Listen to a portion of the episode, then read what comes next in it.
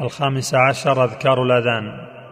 يقول مثل ما يقول المؤذن إلا في حي على الصلاة وحي على الفلاح فيقول لا حول ولا قوة إلا بالله.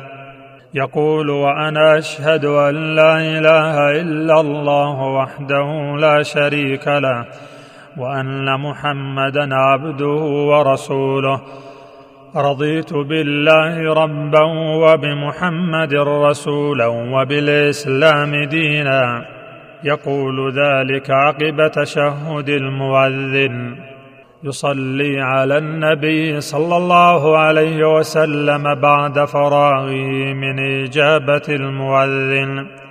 يقول اللهم رب هذه الدعوة التامة والصلاة القائمة آت محمدا الوسيلة والفضيلة وبعثه مقاما محمودا الذي وعدته.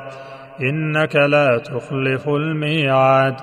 يدعو لنفسه بين الآذان والإقامة فإن الدعاء حينئذ لا يرد.